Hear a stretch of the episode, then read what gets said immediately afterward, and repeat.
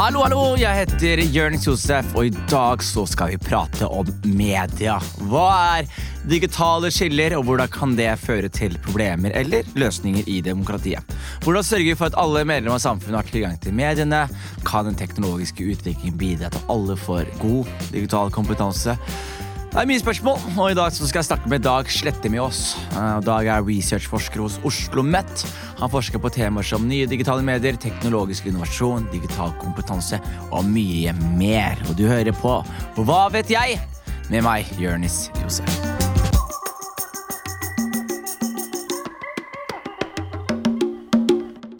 Da sier jeg velkommen til deg, Dag Slette med oss. Tusen takk. Vi skal prate i dag om digitale kilder og informasjonskløfter. Hva er det dette betyr? Ja, Vi går rett på sak, ja. ja hva, hva, er, hva er digitale kilder og informasjonskløfter? Ja, vi, med, vi, kan begynne med digitale skiller, da. Ja. Eh, det er eh, det er systematiske forskjeller, kan vi si, i hvordan eh, folk får tilgang til og bruker internett spesielt, da. Ja. Det er egentlig i bunn og grunn. En informasjonskløft, eh, i hvert fall i dag, da, så henger det sammen tett, veldig tett sammen med det digitale og digitale skiller. Mm. Fordi at uh, før i tiden så var jo stort sett all informasjon papirbasert eller snakkebasert. Og i dag så er nesten all informasjon digital. Ja. Altså 99,999% av informasjonen vi har i dag, er digital. Resten er på papir. Oi. Så det betyr jo at uh, hvis du ikke har tilgang til uh, digi det digitale, så har du veldig liten tilgang til uh, informasjon. Så det ene er at man har lite tilgang. Altså det er en del grupper som ikke får tilgang til informasjon via det digitale. Og så har du at det er ulik type informasjonstilgang. Altså at man har ulike informasjonsstrømmer, for å si det sånn. da. Mm. Så Det betyr at du får det fra helt forskjellige kilder, og så får du en helt ulik oppfatning av hvordan, hvordan verden er. Ikke sant. Hva er digital utenforskap, og hvordan kan det på en måte slå ut? Altså Digitalt utenforskap det, det, kan vi kanskje se på som konsekvensen av digitale skiller og informasjonskløfter. Og det er at uh, visse grupper i samfunnet holdes utenfor systematisk. Uh, enten man ønsker det eller ikke. I demokratiske samfunn så ønsker man det ikke, antageligvis, men det skjer. Fordi at det er uh, visse forutsetninger da, som ikke er til stede for at alle skal få like muligheter. Uh, og da er det ofte de samme gruppene. altså Tradisjonelt så har man sett på eldre, øh, i hvert fall førstegenerasjons innvandrere, de med ulike funksjonsnedsettelser, de som er utenfor arbeidsmarkedet. Eh, rett og slett øh, enkelte det man kalte ressurssvake grupper. Det er det som det er der de tradisjonelle skillene har ligget. Og så kan man nå si at uh, digitale skiller de er med på å, forsterke rett og slett disse eksisterende sosiale skillene som vi allerede har i samfunnet. Mm. Uh, så på den måten så kan digitalt utenforskap være dobbelt så krevende, kanskje, for visse grupper. Uh, og det er noe man må ta på alvor. Og det kan ikke alltid løses med altså For eksempel digital kompetanse er veldig sånn individbasert. At du selv skal utvikle deg, du får noen forutsetninger. Men dette med å, å redusere sosiale uh, skiller, uh, øke utdanningen uh, Altså alle de grepene som må til for å for å bli kvitt disse sosiale skillene, det er jo noe stat og samfunn har ansvar for. Det er jo ikke den enkeltes ansvar. Mm. Så disse tingene må gå litt Eh, sammen, rett og slett. Ja, og tenker du at det, Hvis man for er ressurssvak osv., burde myndigheten da ta ansvar til å sørge for at folk har smarttelefon eller har en PC eller et eller annet?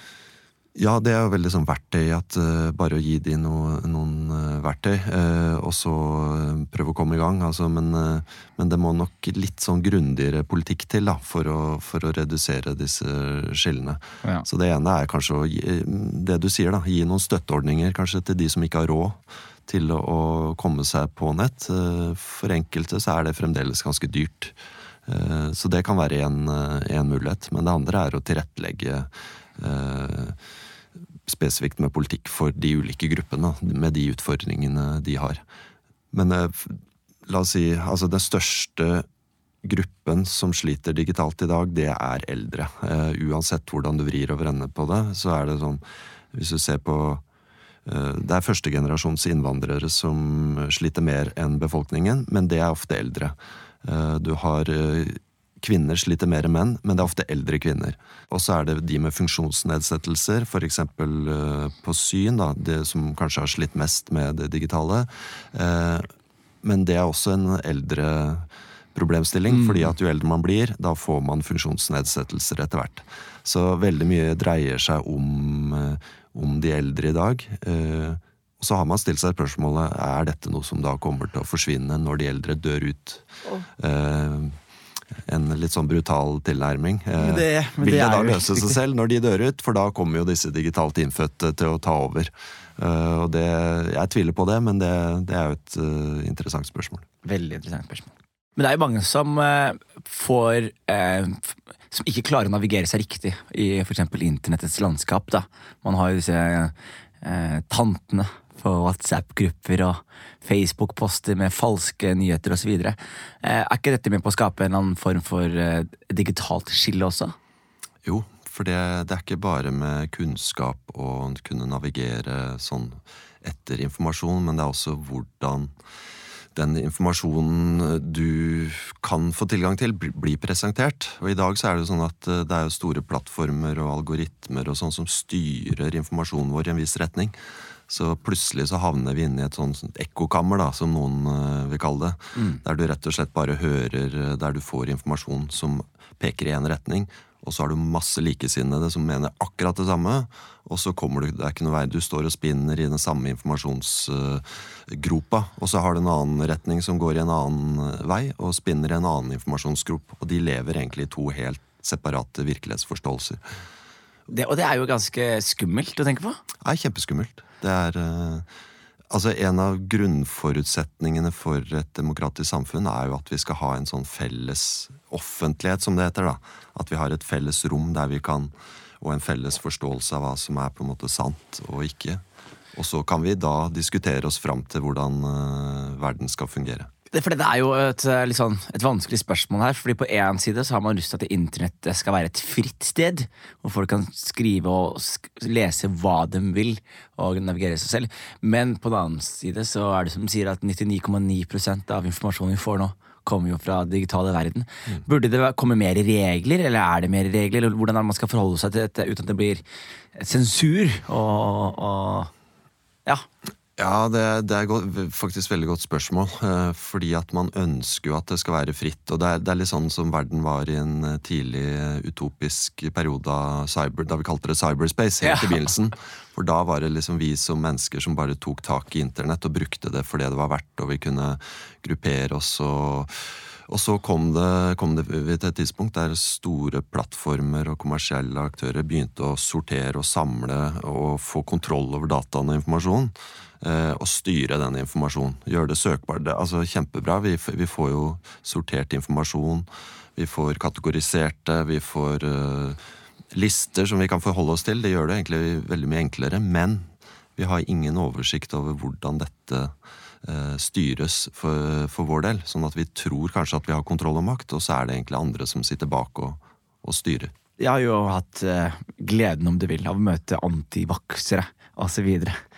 Og de har jo på en måte samme Alle har på en måte eh, tilgang til den samme informasjonen, men de velger jo å, å søke denne alternative nyhetskilder som de har fått fra amerikanske høyre eh, med, altså Det er bare masse sånne Og jeg bare tenker jo at sånn, den tilliten til eh, myndighetene og sånne ting, den sliter jo litt med hvor friere og mindre regulert disse sosiale mediene blir også. Så det er jo sånn et lite høna-egg man jager, men man jager sin egen hale. da. Man må jo stoppe det på et punkt og begynne å regulere det, slik at uh, man kan dra dette her i en riktig retning. For akkurat nå så virker det som det bare er en utvikling i en, veldig negativ retning. Så kommer det til å bli helt ustyrlig for oss om et par år, da, slik jeg analyserer situasjonen. Er du enig i det?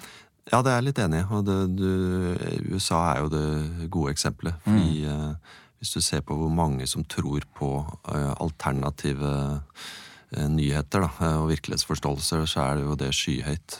I Norge så har vi noen få prosent. men den er økende. Og hvis man ser for seg at det skulle gå i samme retning her i Norge som i USA, så, så er det ekstremt urovekkende. For da får du eh, Ja, det er som du sier, at tilliten til myndighetene, den eroderes jo i og med at eh, man sitter på informasjonsstrømmer som peker på at myndighetene er ute etter å ta oss. ikke sant? Og da, da går det feil vei. Hvordan er eh, digitale medier, eller digitale verden i landet med diktatur, da, for eksempel? Hvordan er det de bruker sin digitale verden? Nei, det er jo den eh, sentraliserte informasjonsflyten. At de går tilbake til en sånn Prøver å luke ut internettets fordel, som er å bare sikre seg mest mulig informasjon. Altså at de sentraliserer informasjonsflyten. Og dermed så klarer de å på en måte overvåke borgerne sine til å og også regulere atferden. Det er jo det de ønsker. At de f.eks. tilbake til Kina da, med dette sosial kredittsystemet. Mm. Det er jo en unik, eh, nesten sånn spillbasert måte å, å få folk til å gjøre akkurat sånn som regimet ønsker. Du premierer god atferd, og du sanksjonerer dårlig atferd. Og så får du premier og bonuser, og du, du klatrer oppover i hierarkiet. Mm uten å bruke vold. ikke sant? Det er jo egentlig en genial måte å undertrykke folk på. Ja, ja, ja. Og alt er basert på at ting overvåkes. Det er, jeg vet ikke, det er vel altså, hvor mange hundre millioner overvåkningskameraer det fins i Kina med begynnende ansiktsgjenkjenning, som da kan gjenkjenne deg på gata og hvordan du oppfører deg. Digital kompetanse, hvor viktig, hvor tidlig må man få det inn? Fordi man ser jo nå at det er barn som sitter og er babyer med iPads mm. og sånne ting. Er det en god ting, eller er det en dårlig ting, eller er det sånn at man burde um, lære det på skolen? Hvordan er det digital kompetanse er formet nå? Ja, altså Først da, Digital kompetanse det er, et, det er, jo et, viktig verktøy for å forhindre digitale skiller. Så Hvis vi begynner med det, så er det egentlig et, et grep da, for å prøve å redusere disse digitale skillene som vi begynte med i, i begynnelsen. Um, og i dag så er jo, ettersom verden er blitt gjennomdigitalisert, så kan man jo tenke seg at digital kompetanse bør inn helt fra morsmelken av, omtrent. Eh, jeg tror mange likestiller det med skjermtid og det å få en iPad i fanget med noe lekbasert. Det er ikke nødvendigvis slik at, det, at man må inn tidlig med, med skjermer. Eh, man kan godt vente, og antageligvis er det fornuftig å vente så lenge man kan. Mm. Fordi digital kompetanse Før så var det jo sånn at det er bare sånn verktøykompetanse. Du må kunne det for å komme inn og bruke internett. Og så har det bare beveget seg over til å, å, å fokusere på bruk og meningsfull bruk. Og det at man kan navigere trygt, og at man kan uh, lære seg nettvett, og personvern har kommet inn. Og det har blitt et veldig bredt felt. da. Mm. Og digital dømmekraft. Og noen prater jo også om digital dannelse. Altså at uh, det er den dannelsen som vi har Eh, fra bånn av, som foreldrene våre og skolen er med på å, bygge oss og vår karakter, så trenger vi en sånn type digital dannelse for den tiden vi lever i nå. da. Fordi at vi, det er gjennomdigitalisert samfunnet. Eh, så det må på en måte, dannelse må gjenspeile det. da. Ja, I en eller annen form. Jeg hadde jo en skrekkhistorie med, med min uh, nevø som hadde så sittet med iPad veldig lenge fra, fra babya. Og så så sitter han og ser ut av et vindu. Og ser han foran vinduet, og så går han bort til glasset. Så tar han tommel og pekefinger sammen. Og så begynner han å strekke det ut. Så han prøver å zoome inn i den virkelige verden. Og da har jeg skjønt sånn Oi! Du, du, du, har ikke utviklet et skille mellom den ekte og den digitale verden. Og det er jo noe som kanskje forsvinner litt da med at man eh, får skjermen litt for tidlig, da. Ja. Det, ja, det er et veldig interessant eksempel, fordi at det er jo en sånn en diagnose at eh, verden, altså den virkelige og digitale verden, den viskes jo faktisk ut. Og så er det det Når har det gått for langt? Altså Hvis du oppfatter noe som eh, digitalt, og så er det noe annet, eh, da da spørs det om man må se litt på bruken, i hvert fall. Eh, men det som er interessant med en digital kompetanse, det er jo faktisk at man også må lære når man ikke skal bruke det, og at du må begrense bruken. Uh, og at du må te deg også på internett, uh, akkurat som du gjør i den virkelige verden. Mm. Så det er egentlig en veldig sånn generell kompetanse som ikke går på det å være flinkest og raskest og bruke mest mulig uh, datamaskin. Mm. det er kanskje heller det motsatte. Jeg føler jo at det, mm, Nå har jeg på en måte bare sagt veldig mye negativt om denne digitale utviklingen, men eh, det har jo også veldig mye godt for seg i den forstand at det er enklere å inkludere mennesker da, på tvers av handikap, eller om du er innvandrer, eller om du er ung eller gammel. altså alle sammen, er, Man kan jo tilrettelegge det digitale verden slik at alle sammen kan forstå og, og, henge med. Og hvor viktig er det for myndighetene og andre å, å lære folk opp i digital bruk? da? Nei, den, eh, den, eh, opplæringen er ekstremt viktig. Så det som er vanskelig, er kanskje å finne ut hvordan man skal lære. Altså hva, for eksempel, hva er digital kompetanse i dag, og tiden fremover? Eh, fordi det ene er jo hvordan vi selv oppfatter hva vi trenger. Jeg føler jo at jeg har et visst behov, og så er det min egenvurderte digitale kompetanse. Og så har myndighetene en forståelse av hva, hva, samfunnet trenger. Og det er kanskje en helt annet. Og det er jo der det begynner å skjære seg. F.eks. at eh, eldre da føler at det er utrolig mange eldre som føler de ikke har behov eller interesse for det digitale. Allikevel så føler de at de tvinges over til å skulle ha digital kompetanse. Da. Mm. Eh, og det er jo en, en utfordring. Så, men eh, det viktigste er jo at digitalkompetansen eh, er vi nok og samtidig spissa nok da, for den enkeltes behov. Så har du en med funksjonsnedsettelser, så trenger du kanskje eh, verktøy, universelt utforma verktøy eller spesialtilsydd eh,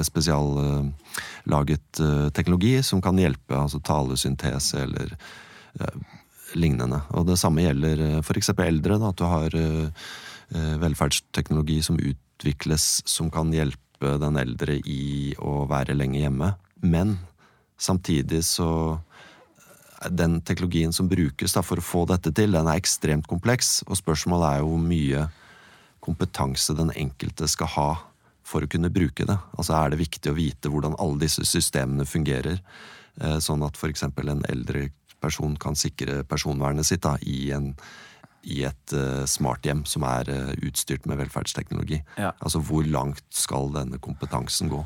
Og, det er krevende. Ok, men da skal jeg prøve å oppsummere litt her, eh, Dag. Vi har snakket litt om digitale eh, skiller i samfunnet. Eh, som har snakket om folks digitale kompetanse. Noe som er veldig veldig digitale, andre som er, eh, ikke er det. Eksempelvis gamle folk som plutselig kan føle seg diskriminerte over at ikke de lenger kan stikke på en bankfilial og betale regningene fysisk. Noe ungdommen ler av fordi de antar at disse bankene skal være på, på internettet. Eh, demokratiet eh, der er det jo veldig mange måter å forholde seg til den digitale verden på. Altså Kina har valgt å gå for en, en liksom propaganda, sensurbasert tilnærming til det, hvor de ønsker å styre sin egen befolkning med sosialpoeng og overvåkning osv. Mens vi i Norge og i Vesten har hatt litt mye friere, som gjør at aktører som Facebook, eh, Twitter osv. Eh, gjerne blir veldig, veldig viktige for vår demokratiske struktur. Men det er veldig viktig at vi i veien og tiden fremover lærer oss å forholde oss til disse sosiale plattformene og hvordan vi skal bruke de eh, fremover. Derfor er digital kompetanse veldig, veldig veldig viktig. Og hvor tidlig man skal få den skjermen dyttet opp i trynet, det er ikke noe fasitsvar på, men man ønsker jo at eh, man lærer seg disse eh, bruken av digitale plattformer veldig, veldig tidlig. Eh, samtidig som man også ivaretar Eh, tradisjonelle måter å kommunisere mennesker på. Vi får jo nå noe du kalte digitalt innfødte, som jo har et helt annet forhold til eh, den digitale verden enn det vi litt eldre har. Men dette her er verden fremover, og man må tilpasse seg og man må lære, samtidig som man må ivareta noen tradisjonelle eh, løsninger og vite hvordan man skal klare seg, på lik linje som at hvis vannet forsvinner, så har du gjerne litt vann i kjelleren. Litt grunnleggende beredskap, da, som du valgte å, å kalle det. Og internettet er kommet for å bli. Internett er ikke en flopp, sånn som det sto i en kronikk en gang. Så da tenker jeg det er en fin oppsummering. Eller hva tenker du, Dag? Var det Ja. det jeg fatt inn her? Fantastisk. Helt nydelig. Da sier jeg tusen takk til deg, Dag Slette med oss.